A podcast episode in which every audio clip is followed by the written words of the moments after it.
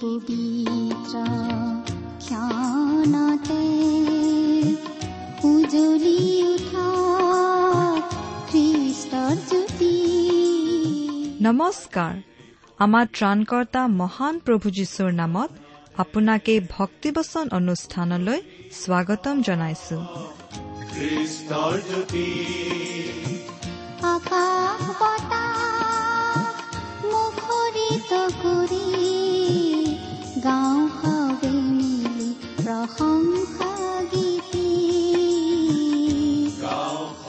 এয়া মুকলি কৰিছো। ঈশ্বৰৰ জীৱিত বাক্যৰ ধাৰাবাহিক অনুষ্ঠান ভক্তি বচন। আপোনাৰ জীৱনত যদি শান্তি পাব বিচাৰে তেন্তে এয়া ঈশ্বৰৰ বাক্যৰ সান্তনা বাক্য ভক্তি বচন। গতিকে আহক আজিৰ শিক্ষা শুনো।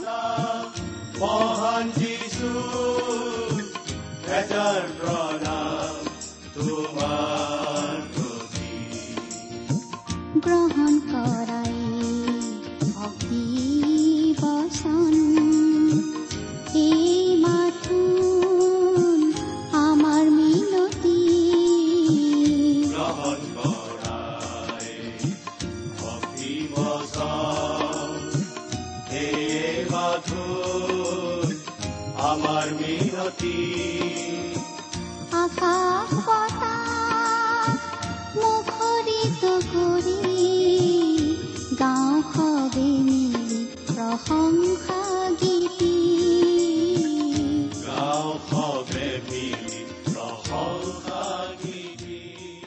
আমাৰ পৰম পবিত্ৰ প্ৰভু যীশুখ্ৰীষ্টৰ নামত নমস্কাৰ প্ৰিয় শ্ৰোতা।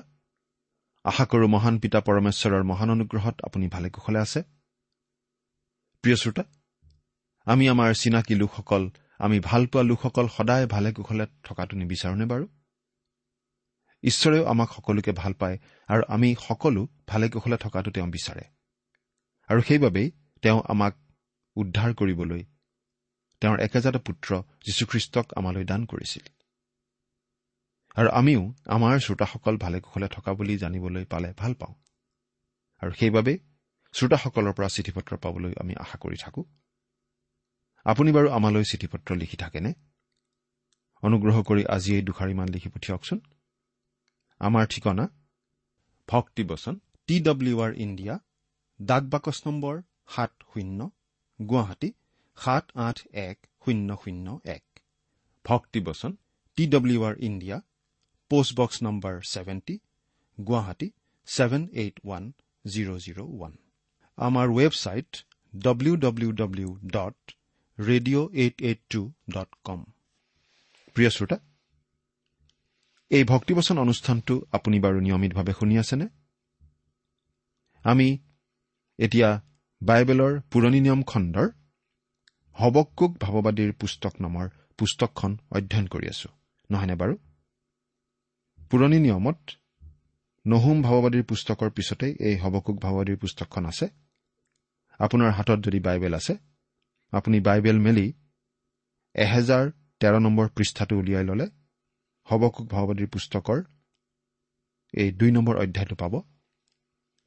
আজি আমি এই দুই নম্বৰ অধ্যায়ৰ এক নম্বৰ পদৰ পৰা আমাৰ আলোচনা আৰম্ভ কৰিবলৈ ওলাইছো।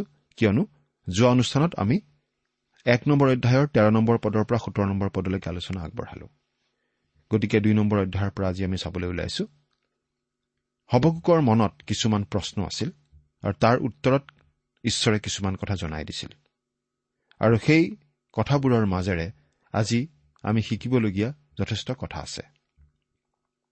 আহকচোন প্ৰিয় শ্ৰোতা আমাৰ আজিৰ আলোচনা আৰম্ভ কৰাৰ আগতে আমি চুটিকৈ প্ৰাৰ্থনা কৰোঁ। স্বৰ্গত থকা অসীম দয়ালু পিতৃ ঈশ্বৰ তোমাৰ মহান নামৰ ধন্যবাদ কৰোঁ। তুমি মহান তুমি কৰোণাময় তুমি অনুগ্ৰহৰ আকৰ। তোমাৰ অনুগ্ৰহতেই আজি আমি প্ৰভু যীশুত বিশ্বাস কৰি পৰিত্ৰাণ পাব পৰা হৈছো। তোমাক পিতৃ বুলি মাতিব পৰা হৈছো। তুমি আমালৈ যিমান অনুগ্ৰহ দেখুৱাইছা যিমান কৰোণা দেখুৱাইছা তাৰ বাবে তোমাক ধন্যবাদ দি আমি শেষ কৰিব নোৱাৰো। এতিয়া আমি প্ৰাৰ্থনা কৰিছো তোমাৰ মহান বাক্য বাইবেল শাস্ত্ৰৰ যোগেৰে তুমি আমাক কথা কোৱা। তোমাৰ মাত আমাক শুনিবলৈ দিয়া। আমাৰ শ্ৰোতাসকলৰ জীৱনত তোমাৰ অনুগ্ৰহৰ আশীৰ্বাদ উপচি পৰিবলৈ দিয়া। কিয়নো এই প্ৰাৰ্থনা আমাৰ মহান ত্ৰাণকৰ্তা প্ৰভু যীশুখ্ৰীষ্টৰ নামত আগবঢ়াইছো। আমেন।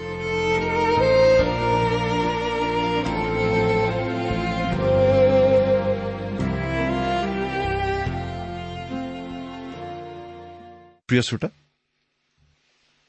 হবকুক ভাৱবাদীৰ পুস্তকৰ প্ৰথমটো অধ্যায়ত আমি দেখিবলৈ পালো হবকুক ভাৱবাদীৰ মনত জন্মা বিভিন্ন প্ৰশ্নৰ কথা। তেওঁ এতিয়া জানিব পাৰিলে যে তেওঁৰ সকলো প্ৰশ্নৰ উত্তৰ ঈশ্বৰৰ ওচৰত আছে। ঈশ্বৰে তেওঁৰ প্ৰথম প্ৰশ্নটোৰ উত্তৰ দিলে আৰু সেই উত্তৰটোৱে আন এটা ডাঙৰ প্ৰশ্নৰ জন্ম দিলে। কিন্তু সেই ডাঙৰ প্ৰশ্নৰ উত্তৰো ঈশ্বৰৰ ওচৰত আছে। প্ৰিয় শ্ৰোতা আপোনাৰ মনত বাৰু কিবা প্ৰশ্ন আছেনে? কেতিয়াবা মানুহে এই বুলি কয় মই কেৱল ঈশ্বৰত ভৰসা কৰি আছো। আচলতে কিন্তু নকৰে। বৰং তেওঁলোকে প্ৰতিটো খোজত ঈশ্বৰক প্ৰশ্নহে কৰি থাকে। ঈশ্বৰক প্ৰশ্ন সোধাত একো পাপ নাই নিশ্চয়। আপুনি তেওঁৰ ওচৰলৈ গৈ কওক যে আপুনি কিবা এটা কথা বুজি পোৱা নাই। হবকুকেও আচলতে তাকেই কৰিছিল। এতিয়া বাইবেলৰ পৰা পাঠ কৰি দিম। যদিহে আপুনি বাইবেলখন মেলি লৈছে চাই যাব পাৰিব। আৰু যদিহে বাইবেল লগত নাই তেতিয়াহ'লে অনুগ্ৰহ কৰি মন দি শুনিব আমি পাঠ কৰি দিম। হবকুক দুই নম্বৰ অধ্যায়ৰ এক নম্বৰ পদ। মোৰ প্ৰহৰী স্থানত মই থিয় হ'ম আৰু ওখ ঘৰৰ ওপৰত থাকিম। আৰু তেওঁ মোক কি ক'ব?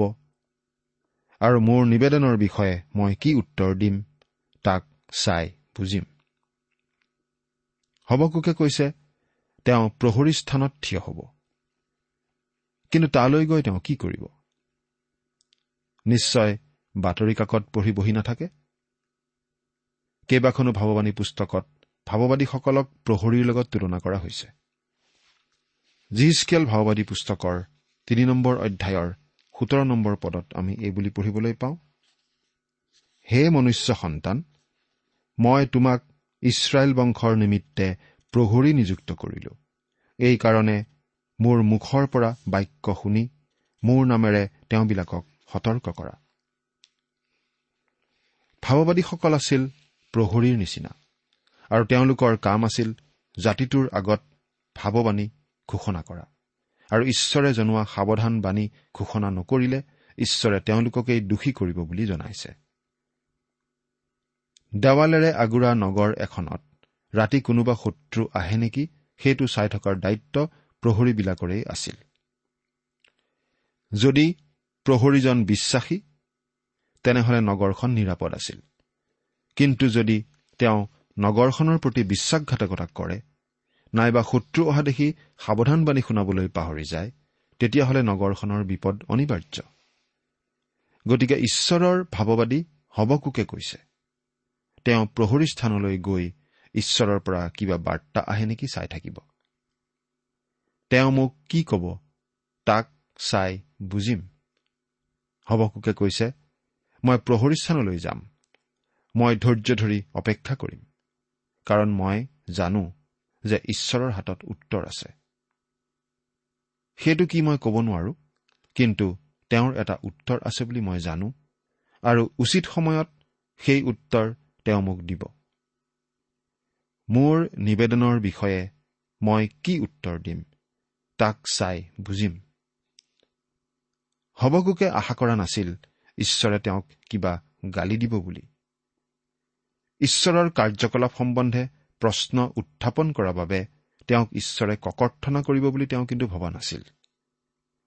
হবকুকে এই বুলিহে অনুভৱ কৰিছিল যে ঈশ্বৰে তেওঁক উপযুক্ত আৰু সঠিক উত্তৰ দিব যাতে তেওঁ ঈশ্বৰৰ কাৰ্যপ্ৰণালী বুজি পাব পাৰে। সেই উত্তৰ পাবলৈ তেওঁ বাট চাই থাকিবলৈ প্ৰস্তুত আছিল। ঈশ্বৰে বহু সময়ত পলম কৰে। তেওঁ কৰা কামবোৰ তেওঁ ধীৰ স্থিৰভাৱে কৰে। ঈশ্বৰে হবকুকক এটা উত্তৰ দিব বিচাৰে। কিন্তু সেই উত্তৰ তেওঁ নিৰ্ধাৰণ কৰা সময়মতেহে তেওঁ দিব। আমিহে খৰখেদা কৰোঁ কিন্তু ঈশ্বৰে খৰখেদা নকৰে। উদাহৰণস্বৰূপে আমি খ্ৰীষ্টৰ সোনকালেই হ'বলগীয়া পুনৰ আগমনৰ কথা কোনো কোনোৱে কোৱা শুনিবলৈ পাওঁ। বাইবেলৰ বাৰু ক'ত সেই বুলি লিখা আছে? আমি হ'লে বেলেগ ধৰণেহে পাইছো। প্ৰভু যীশুৱে এই বুলি কৈছে চোৱা মই বেগাই গৈছো। প্ৰকাশিত বাক্য বাইছ নম্বৰ অধ্যায়ৰ সাত নম্বৰ পদ। তেওঁ সোনকালে আহিব বুলি কোৱা নাছিল। তেওঁ এই কথা কোৱা দুহেজাৰ বছৰ হৈ গ'ল। গতিকে সোনকালে বুলি নিশ্চয় ক'ব নোৱাৰি। তেওঁ কৈছিল তেওঁ বেগাই আহিব। কাৰণ তেওঁ অহাৰ আগে আগে যিবোৰ ঘটনা ঘটিব বুলি প্ৰকাশিত বাক্যত লিখা আছে সেই ঘটনাবিলাক অতি বেগাই ঘটিব। ধুমধাম ঘটি সেইবিলাক শেষ হ'ব। খ্ৰীষ্টই তেওঁৰ ৰাজ্য প্ৰতিষ্ঠা কৰিবলৈ অহাৰ আগে আগে হ'বলগীয়া শেষৰ সাত বছৰৰ আৰম্ভণি ঘটাব এই পৃথিৱীৰ পৰা খ্ৰীষ্টীয় মণ্ডলীক উত্তোলিত কৰি লৈ যোৱা ঘটনাটোৱে। যেতিয়া পৃথিৱীৰ পৰা খ্ৰীষ্টীয় বিশ্বাসীসকলৰ গোটটো উঠাই লৈ যোৱা হ'ব পৰৱৰ্তী ঘটনাবোৰ অতি ততাতৈয়াকৈ ঘটিব। এটাৰ পাছত এটাকৈ যেনেকৈ হাতুৰিৰ কোব পৰে ঠিক তেনেকৈ সেই ঘটনাবোৰ এটা এটাকৈ ততাতৈয়াকৈ ঘটিব। খ্ৰীষ্ট বেগাই আহিব। তেওঁ ঠিক আগতে নিৰ্ধাৰিত কৰি থোৱা সময়মতেই আহিব। আচলতে আমি খ্ৰীষ্ট সোনকালে অহালৈ বাট চোৱা নাই। বাট চাই আছো খ্ৰীষ্টৰ নিশ্চিত আগমনলৈ। তেওঁ আহিবই। আনহাতে কিছুমান লোকে কোৱাৰ নিচিনাকৈ খ্ৰীষ্টই অহাত পলমো নকৰে। নিৰ্ধাৰিত সময়মতেই তেওঁ আহিব। আপোনাৰ মোৰ সময়মতে তেওঁ নাহে। সেই সময় তেওঁ পিছুৱাই নিদিয়ে। কিন্তু আমি এই কথাও মনত ৰখা উচিত যে প্ৰভু দীৰ্ঘসহিষ্ণু কোনো ধ্বংস হোৱাটো তেওঁ কামনা নকৰে। আৰু হৱকোকৰ দিনত বাবিলনত কিছুমান মানুহ আছিল যিবোৰক ঈশ্বৰে উদ্ধাৰ কৰিব বিচাৰিছিল। ইছৰাইলীয় লোকসকল যে বাবিলনত সত্তৰ বছৰ বন্দী হৈ থাকিব লাগিব সেই সত্তৰ বছৰ কাল ঈশ্বৰৰ বাবে গৌৰৱময় সময় হ'ব কাৰণ তেওঁ আনকি বাবিলনীয়াবোৰৰ ৰজা নবুখতনেশ্বৰৰ হৃদয়ো স্পৰ্শ কৰিব। হবকুকে কৈছে মোৰ হাতত এতিয়া উত্তৰ নাই। মই প্ৰহৰী স্থানত গৈ অপেক্ষা কৰি থাকিম। ঈশ্বৰৰ পৰা এটা উত্তৰ পাবলৈ মই বাট চাই থাকিম। প্ৰিয় শ্ৰোতা আমি বিশ্বাসেৰেহে আগবাঢ়িব লাগিব। আমাৰ দৃষ্টিৰে নহয়। দ্বিতীয় কৰিন্ঠিয়া পাঁচ নম্বৰ অধ্যায়ত পাচনি পৌলে সেই সময়ৰ কথা কৈছে যেতিয়া আমাৰ শৰীৰ কবৰত ৰখা হ'ব। এটা দিন আহিব যেতিয়া খ্ৰীষ্টই আমাক মাতিব আৰু আমাৰ শৰীৰবোৰ কবৰৰ পৰা তেওঁ তেনেদৰে উঠাব। তাৰ আগলৈকে আমি শৰীৰৰ পৰা আঁতৰত থাকিম আৰু আমি ঈশ্বৰৰ উপস্থিতিত থাকিম। যেতিয়া আমি এই শৰীৰৰ পৰা আঁতৰি যাম আমি প্ৰভুৰ লগত থাকিমগৈ। আমাৰ শৰীৰ কবৰ দিয়া আৰু কবৰৰ পৰা শৰীৰটো উঠোৱা এই দুটা ঘটনাৰ মাজত এটা সময়ৰ ব্যৱধান থাকিব। আমি যিধৰণে কথাবোৰ চাওঁ সেইধৰণে চাবলৈ গ'লে প্ৰভুৱে বৰ লাহে লাহে কাম কৰা যেন লাগে। সেইবাবে এই পাচনি পৌলে এই কথা আমাক সোঁৱৰাই দিছে। কিয়নো আমি দেখাৰ দ্বাৰাই নচলি বিশ্বাসৰ দ্বাৰাই চলিছো। দ্বিতীয় কৰিন্ঠিয়া পাঁচ নম্বৰ অধ্যায়ৰ সাত নম্বৰ পদ। প্ৰিয় শ্ৰোতা আপোনাৰ বাৰু এনেকুৱা প্ৰশ্ন আছেনে? যি প্ৰশ্নৰ আপুনি উত্তৰ পোৱা নাই?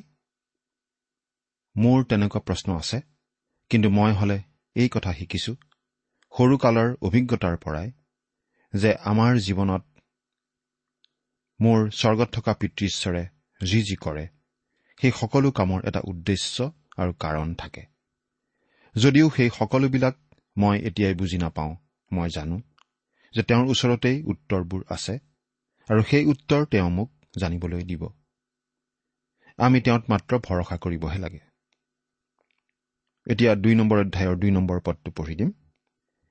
তাতে জিহুৱাই উত্তৰ দি মোক ক'লে এই দৰ্শনৰ কথা লিখি থোৱা আৰু এনে স্পষ্টকৈ ফলিত কাটা যেন পাঠকে খৰকৈ পঢ়িব পাৰে।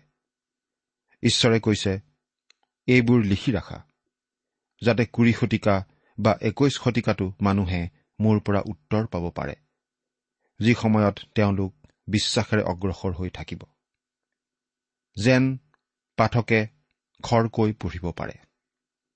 তাৰ মানে বাৰু কি বুজাইছে? ঈশ্বৰে আচলতে এইটো বুজাব খুজিছে যে আমাৰ ওচৰত পথৰ নিৰ্দেশনা থকা মানচিত্ৰ থাকিব লাগে অৰ্থাৎ আমি কোনপিনে গৈ আছো সেইটো আমি জানিব পাৰিব লাগিব। ৰাস্তাটোৰ বিষয়ে আমি খুব ভালদৰে জানিব লাগিব যাতে আমি কথাখিনি পঢ়াৰ পাছত খৰখেদাকৈ সেই পথেৰে আগবাঢ়ি যাব পাৰোঁ। অৰ্থাৎ এই কথা পঢ়োতাজনে পঢ়ি উঠি আনক জনাবলৈ বেগাই যাব পাৰিব লাগিব। তেওঁ ঈশ্বৰৰ বাৰ্তাবাহক হ'ব পাৰিব লাগিব।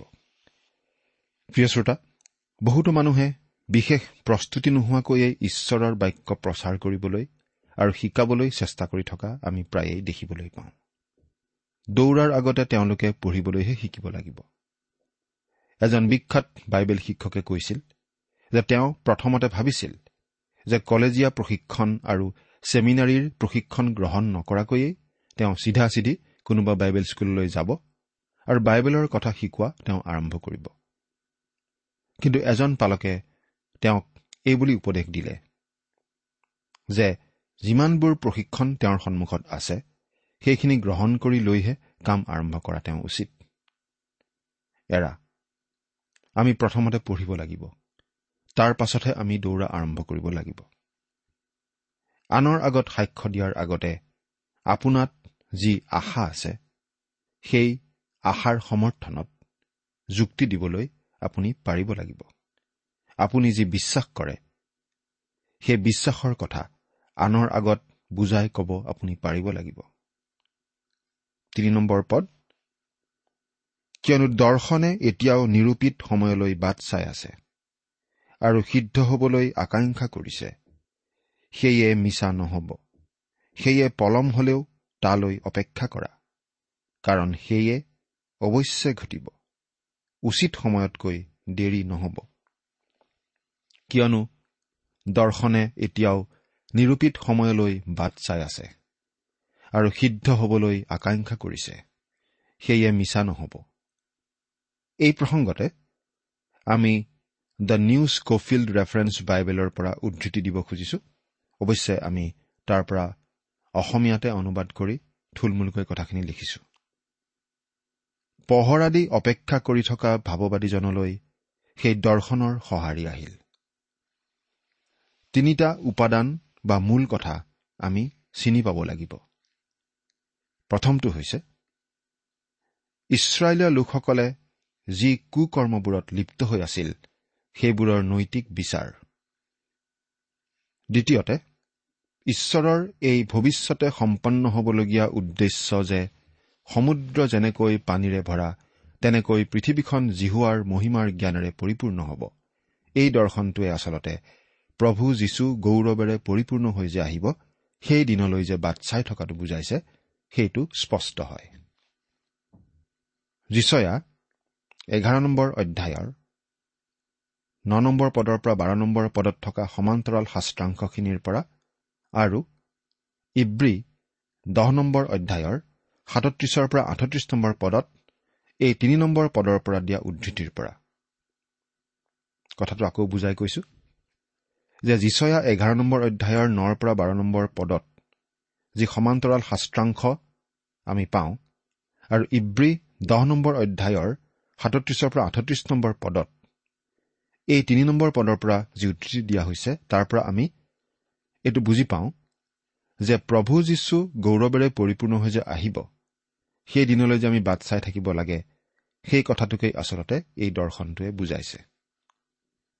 তাত কেৱল এই দৰ্শনটোৰ সেয়ে বা সেইটোৰ সলনি তেওঁ অৰ্থাৎ প্ৰভু যীশুৰ কথাটো আহিছে। অৰ্থাৎ প্ৰভু যীশুৰ আৱশ্যমভাৱী পুনৰ আগমনৰ কথাটোকেই আচলতে ইব্ৰী দহ নম্বৰ অধ্যায়ৰ সাতত্ৰিশৰ পৰা আঠত্ৰিশ পদত বুজোৱা হৈছে। গতিকে ইয়াত যে কোৱা হৈছে এই দৰ্শনটোৰ কথা এই দৰ্শনটো ফলিওৱাৰ পাছত অৰ্থাৎ প্ৰভু যীশুৰ পুনৰ আগমনৰ পাছত পৃথিৱীখন ঈশ্বৰৰ মহিমাৰ জ্ঞানেৰে পৰিপূৰ্ণ হ'ব সেই কথাই আমি বুজি পাওঁ। কিন্তু তৃতীয়তে ইতিমধ্যে ধাৰ্মিকসকল বিশ্বাসৰ দ্বাৰাই জীৱ। এই কথাটো আমি জানিব লাগে। এই মহান শুভবাৰ্তাৰ বক্তব্যটো যিহুদী আৰু পৰজাতীয় লোক সকলোৰে কাৰণেই কোৱা হৈছে। ৰমিয়া এক নম্বৰ অধ্যায়ৰ সোতৰ নম্বৰ পদত সকলো লোকৰ বাবে এই কথাখিনি কোৱা হৈছে। পৰজাতি লোকৰ বাবে কোৱা হৈছে গালাটীয়া তিনি নম্বৰ অধ্যায়ৰ এঘাৰৰ পৰা চৈধ্য নম্বৰ পদত। আৰু বিশেষভাৱে ইব্ৰী লোকসকলক এই কথাটো কোৱা হৈছে ইব্ৰী দহ নম্বৰ অধ্যায়ৰ আঠত্ৰিশ নম্বৰ পদত। ধাৰ্মিকসকল বিশ্বাসৰ দ্বাৰাই জীৱ। একমাত্ৰ বিশ্বাসৰ যোগেদি জীৱন লাভ কৰাৰ এই ব্যৱস্থাটোৱে পৰজাতিসকলৰো পৰিত্ৰাণৰ উপায় দিলে আৰু লগতে অবিশ্বাস আৰু অন্ধতাত থকা মন্দিৰ আৰু পুৰোহিত নথকা আৰু বিধানৰ ৰীতি নীতি পালন কৰাৰ কোনো উপায় নথকা ইছৰাইল জাতিৰ মাজত অৱশিষ্ট থকা বিশ্বাসীসকলৰ বাবেও পৰিত্ৰাণৰ উপায় দিলে। প্ৰিয় শ্ৰোতা আমাৰ ঈশ্বৰ এনেকুৱাই। অনুশাসনমূলক ব্যৱস্থাৰে তেওঁৰ পুৰণিকালৰ ইছৰাইল জাতিক দেশৰ পৰা নিৰ্বাসিত কৰা হ'ল। দেশৰ পৰা তেওঁলোক নিৰ্বাসিত হৈ যেতিয়া বেলেগ দেশত থাকিব লগা হ'ল তেতিয়া বিধানৰ দিশত তেওঁলোক অন্ধ যেন হৈ পৰিল। অৰ্থাৎ তেওঁলোক মন্দিৰৰ পৰা দূৰ হ'ল পুৰোহিত ব্যৱস্থাৰ পৰা দূৰ হৈ গ'ল। বিধানৰ দিশত তেওঁলোক অন্ধ যেন হ'ল। কিন্তু প্ৰতিজ্ঞাধীন কৰোণাত প্ৰতিজন যীহুদীয়ে অব্ৰাহামৰ সৰল বিশ্বাসৰ পথ গ্ৰহণ কৰিব পাৰে আৰু তেওঁলোকে তেনেদৰেই পৰিত্ৰাণ পাব পাৰে। বেলেগ দেশত তেওঁলোকে মুচিৰ বিধি বিধান পালন কৰাৰ কোনো উপায় নাছিল। গতিকে তেওঁলোকে বিশ্বাসৰ পথেৰেই পৰিত্ৰাণ পাব পাৰে। সেই ব্যৱস্থা ঈশ্বৰে কৰি দিলে। আৰু পৰজাতীয় লোকসকলেও সেই বিশ্বাসৰ দ্বাৰাই পৰিত্ৰাণ পাব পাৰে। সেই ব্যৱস্থা ঈশ্বৰে কৰি দিলে। প্ৰভু যীশুৰ যোগেৰে। যিহুদী লোকসকলৰ বাবেও সেই একেটা ব্যৱস্থাই ঈশ্বৰে কৰিছে। ধাৰ্মিকসকল বিশ্বাসৰ দ্বাৰাই জীৱ। অৱশ্যে এই কথাটোৱে পলেষ্টিয়া আৰু ডায়ুদীয় চুক্তি বাতিল কৰি নেপেলায় ঈশ্বৰে তেওঁলোকৰ লগত ইতিমধ্যে যি চুক্তি কৰিছিল সেই চুক্তি বাতিল নকৰে কাৰণ এই জগত জিহুৱাৰ জ্ঞানেৰে পূৰ্ণ হ'ব বুলিও কোৱা হৈছে। আৰু ঈশ্বৰ জিহুৱা আকৌ তেওঁৰ মন্দিৰত থিতাপি ল'ব বুলিও কোৱা হৈছে। ঈশ্বৰে তেওঁৰ কোনো প্ৰতিজ্ঞা ভংগ নকৰাকৈ সকলোকে উদ্ধাৰ কৰাৰ ব্যৱস্থা কৰি ৰাখিছে। আজি আমাৰ বাবে প্ৰভু যীশুখ্ৰীষ্টতেই সেই উপায় তেওঁ দিছে। ধাৰ্মিকজন বিশ্বাসৰ দ্বাৰাই জীৱ। ঈশ্বৰে প্ৰভু যীশুৰ বিষয়ে কোৱা কথা বিশ্বাস কৰি প্ৰভু যীশুক পৰিত্ৰতা হিচাপে গ্ৰহণ কৰি আমি অনন্ত জীৱন লাভ কৰিব পাৰোঁ। ধাৰ্মিকজন বিশ্বাসৰ দ্বাৰাই জীৱ। প্ৰিয় শ্ৰোতা ঈশ্বৰে এদিন আমাৰ সকলো প্ৰশ্নৰ উত্তৰ দিব। সেইটো নিশ্চয় অতি স্মৰণীয় দিন হ'ব। স্বৰ্গৰ সোণৰ আলিবাটবোৰৰ প্ৰতি আমাৰ সিমান আগ্ৰহ নাই। কিন্তু আজি মানৱ জাতিৰ সন্মুখত থকা নানা জটিল প্ৰশ্নৰ উত্তৰবোৰ জানিবলৈহে নিশ্চয় আমাৰ আগ্ৰহ বেছি। কিন্তু সেই সময় এতিয়াও অহা নাই। কিন্তু সেই সময় আহিব বুলি আমি জানো। সেই সময় নহালৈকে আমি কি কৰি থাকিব লাগিব? তাৰ উত্তৰটো আমাক কোৱা হৈছে। যে সেই সময় নহালৈকে আমি বিশ্বাসেৰে বাট বুলি থাকিব লাগিব। ঈশ্বৰৰ কথাৰ ওপৰত বিশ্বাস আৰু সেই কথাৰ ওপৰত বিশ্বাস কৰি প্ৰভু যীশুক নিজৰ ত্ৰাণকৰ্তা বুলি গ্ৰহণ কৰি যি বিশ্বাস সেই বিশ্বাসেৰে আমি বাট বুলি থাকিব লাগিব। প্ৰিয় শ্ৰোতা আপুনি বাৰু কেনেদৰে জীৱন কটাই আছে? ঈশ্বৰৰ কথাত বিশ্বাস আৰু ভৰসা ৰাখি প্ৰভু যীশুক আপোনাৰ জীৱনৰ সৰ্বস্ব ভাৰ অৰ্পণ কৰি আপুনি বিশ্বাসেৰে চলি আছেনে? চিন্তা কৰি চাওকচোন। ঈশ্বৰে আপোনাক আশীৰ্বাদ কৰক। আমেন।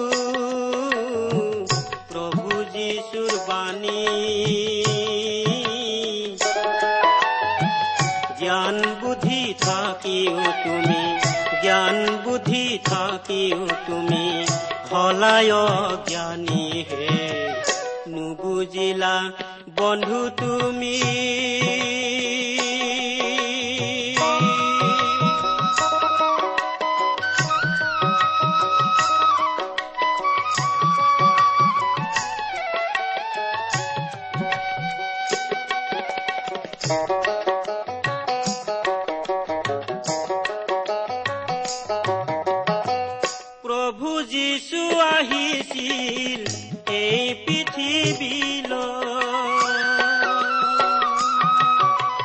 পাপী মানুহক পাপৰ পৰা উদ্ধাৰ কৰিবলৈ ইমান পৰে আপুনি ভক্তিবচন অনুষ্ঠানটি শুনিলে। এই বিষয়ে আপোনাৰ মতামত জানিবলৈ পালে আমি নথৈ আনন্দিত হ'ম। আমি প্ৰস্তুত কৰা বাইবেল অধ্যয়নৰ আন চিডিসমূহ পাব বিচাৰিলেও আমালৈ লিখক। অনুষ্ঠানটি শুনি কেনে পালে আমালৈ চিঠি লিখি জনাবচোন। অনুষ্ঠানত প্ৰচাৰ কৰা কোনো কথা বুজিব লগা থাকিলেও আমালৈ লিখক। আমাৰ ঠিকনা? ভক্তিবচন ট্ৰান্স ৱৰ্ল্ড ৰেডিঅ' ইণ্ডিয়া ডাক বাকচ নম্বৰ সাত শূন্য গুৱাহাটী সাত আঠ এক শূন্য শূন্য এক। ঠিকনাটো আৰু এবাৰ কৈছো ভক্তিবচন ট্ৰান্স ৱৰ্ল্ড ৰেডিঅ' ইণ্ডিয়া ডাক বাকচ নম্বৰ সাত শূন্য গুৱাহাটী সাত আঠ এক শূন্য শূন্য এক।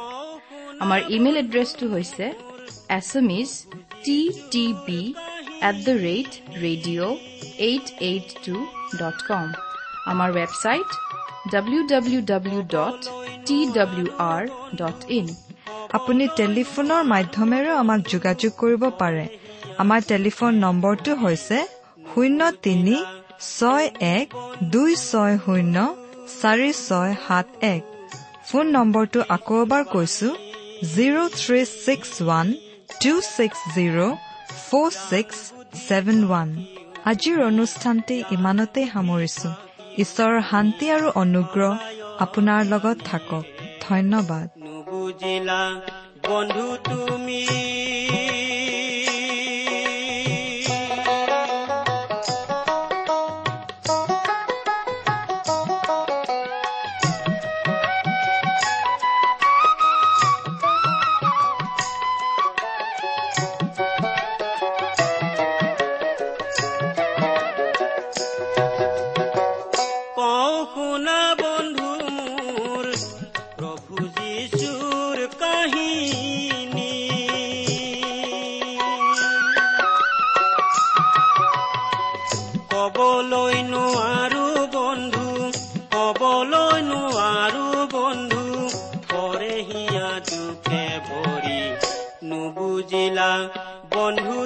তুমি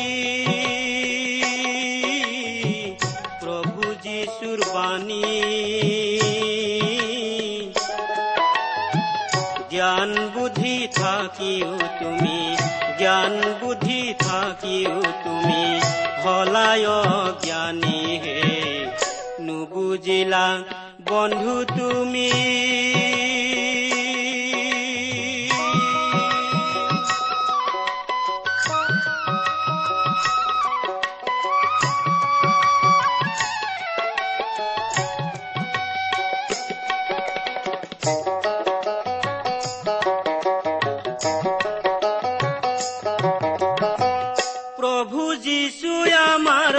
বাবে ক্ৰুচ দিলে নিজৰে জীৱ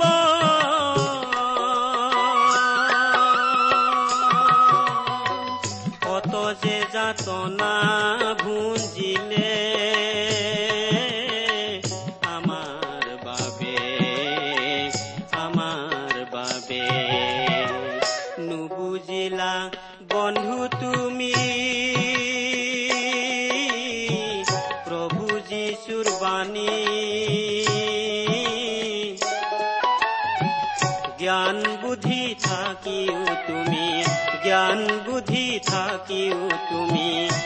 হলায় জ্ঞানী হে নুবুজিলা